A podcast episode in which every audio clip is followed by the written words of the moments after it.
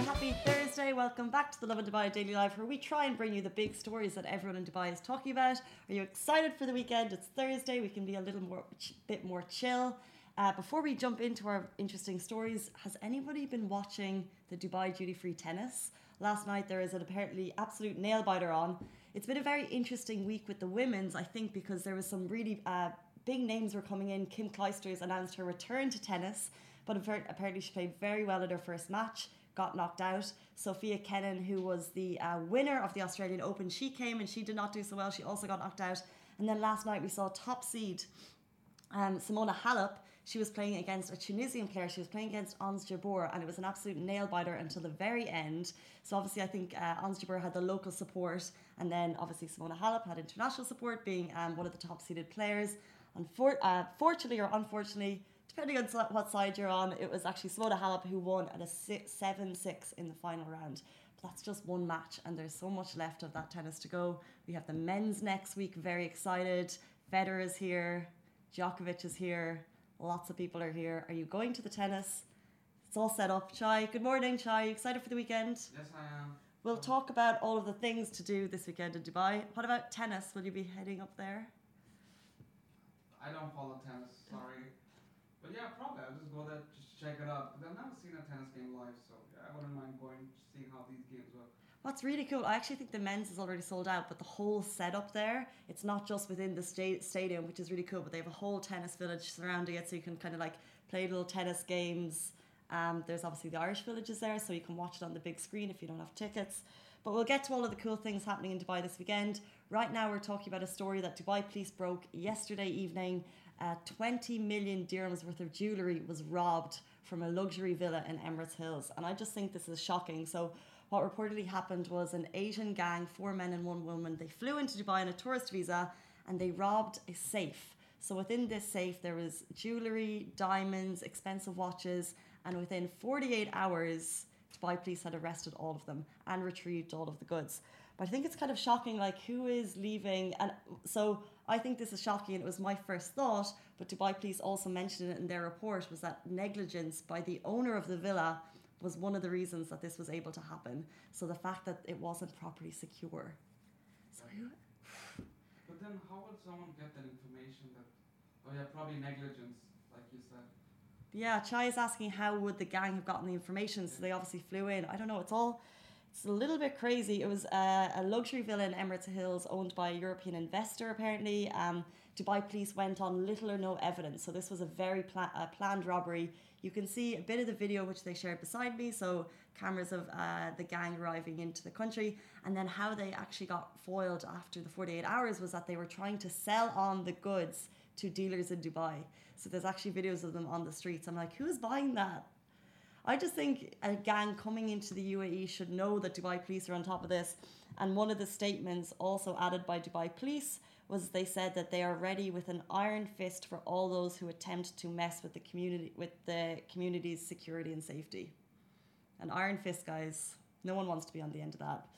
Um, so yeah, Dubai police within 48 hours they managed to get it all back to the owners. But it's a massive reminder that although Dubai is a very safe place to live and it's one of the reasons we all love living here, we need to be sure that we're locking up our goods. If you have a safe at home filled with valuables, yeah, makes sense. makes sense. Regardless if it's worth that much money or if it's worth a lot less, you should still look after valuables because one man's is another man's treasure. Like even if these guys go to sell it in the markets, like do we not need official paperwork to sell such expensive goods? Like I you can't just sell goods. Like I, I don't know. Like that's what I'm asking. Chai's asking, yeah, can you not just you can't sell expensive goods? I assume they're doing it under the table. Probably because or they would fake documents.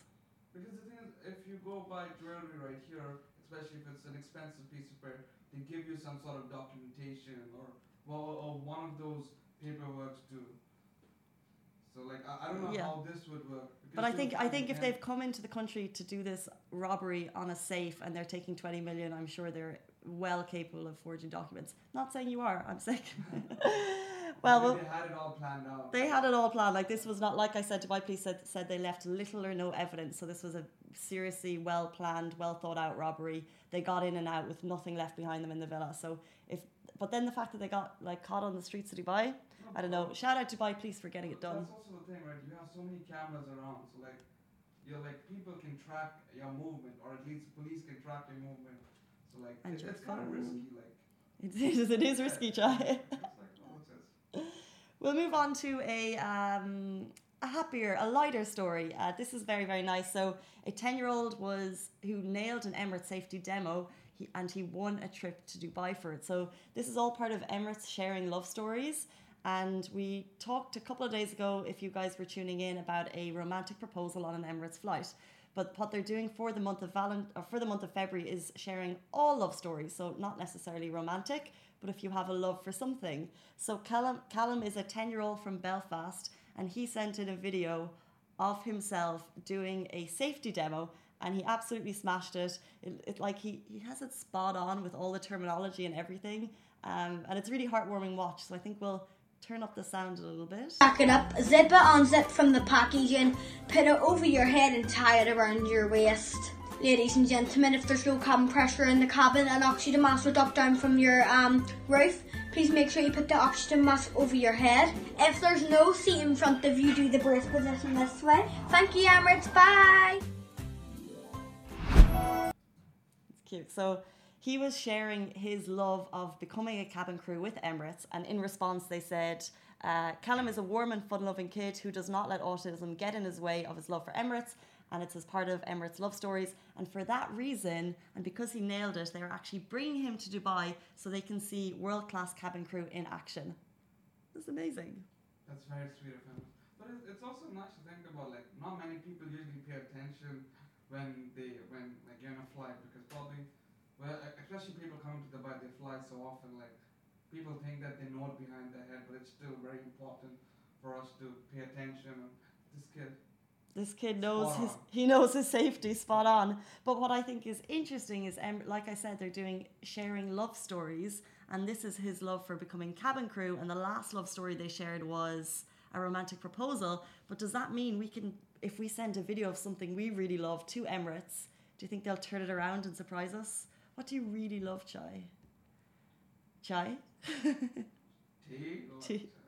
We talked about Ben and Jerry's. Imagine if you sent like this kind of hyped up video about how much you love ice cream. Do you think they would like send us to the land of Virginia oh, in the Chocolate States and go to a factory? I don't know. maybe like Well, yeah. because like if people are getting trips to Dubai and we're already in Dubai like I know, but if you have a passion for something else, so Callum is obviously very passionate about cabin crew. Well I actually didn't read the fact that he's a, he has autism. hmm Like, the, like it didn't seem like it. He just seemed like a normal kid. So, Well, I think what he's definitely displayed there is his passion for Emirates. But I think if we display our passion, I don't know. And uh, if you guys want to share your passion for something with Emirates, you can do it at Emirates Love okay, Stories. I think. I'll think. put you on the spot. Well, what is your passion? I just told you, Ben and Jerry's is my passion. Oh, okay. Two men. And if Emirates want to fly me to Virginia to see where all that Virginia, somewhere in the states where it's all made, maybe. I'm available. Moving on to our final story is all of the great things happening in Dubai this weekend. Dubai Duty Free Tennis, which we've spoken about. We're going to see the finals of the women's before the men's kicks off next week. Those tickets to the men's are sold out. They, they were gone so quickly, um, and you can see why it's a brilliantly run event. Um, and it's all happening up uh, at the Irish Village at the Dubai Duty Free Tennis Stadium. But on top of that, if you're not going to the tennis, there's a lot more going on. We have the Lovin Dubai cruise happening on Saturday. We have a Paramount Hotel. Have you guys heard of this? It's a really cool cinematic themed hotel down in Business Bay. It's brand new and it's absolutely stunning. Like the interiors are above and beyond when we talk about stunning hotels in Dubai, and they have a very cool Friday brunch. You can also head to if you have kids. There's a lot of kind of family entertainment things going on. Global Village Kids Fest is going on until the 22nd. And when Global Village do a kids festival, they don't do it small. There's it's 15 dirham entry, and that gets you entry to everything. And they have kind of giant snakes and ladders. They have a Ripley's Believe It or Not. They have carnival, circus. I could go on and keep on going because there's just so much going on down there. There's also a lot of kind of entertainment happening in Nakheel Mall for families. And finally, one thing that I would suggest is what are you saying, Chai? What are you thinking for the weekend? Did I not say cruise? No, Oh, the the best weather. Like, yeah, you can't ask for more. you can't ask for more. The Lovin Dubai cruise. I actually, when we were deciding what photos to put here, I thought obviously the cruise that's happening on Saturday, tickets from 199 dirham. Brilliant day out for all ages, food and drinks included in that. And then I chose another photo, I, I like the look of that. which is the High Joint Burger. This burger place, it's in Jumeirah, very small. It has about four seats indoors. They were voted by Lovin Dubai as the best burger in 2019. They've just announced a new burger, which is beside me. It's absolutely delicious. Um, but please go and make your own opinion on it and let me know what you think. Those are our, s- It's breakfast, and I still feel like eating that. It's, It's like breakfast time.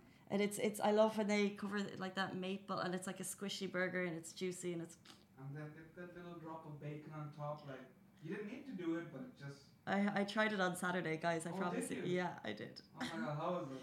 It was so well. I think it's it's a sweet um, glaze on top, of miso maple glaze, and for me, yeah, I'm I'm a big fan. But you have to be ready. Like it, it was seriously filling, and you get it with the fries. Anyway, moving on. You guys don't need to hear about my review of that. Um, have a great weekend, and we'll back, be back with you on Sunday with more stories. And have a fantastic weekend. Bye.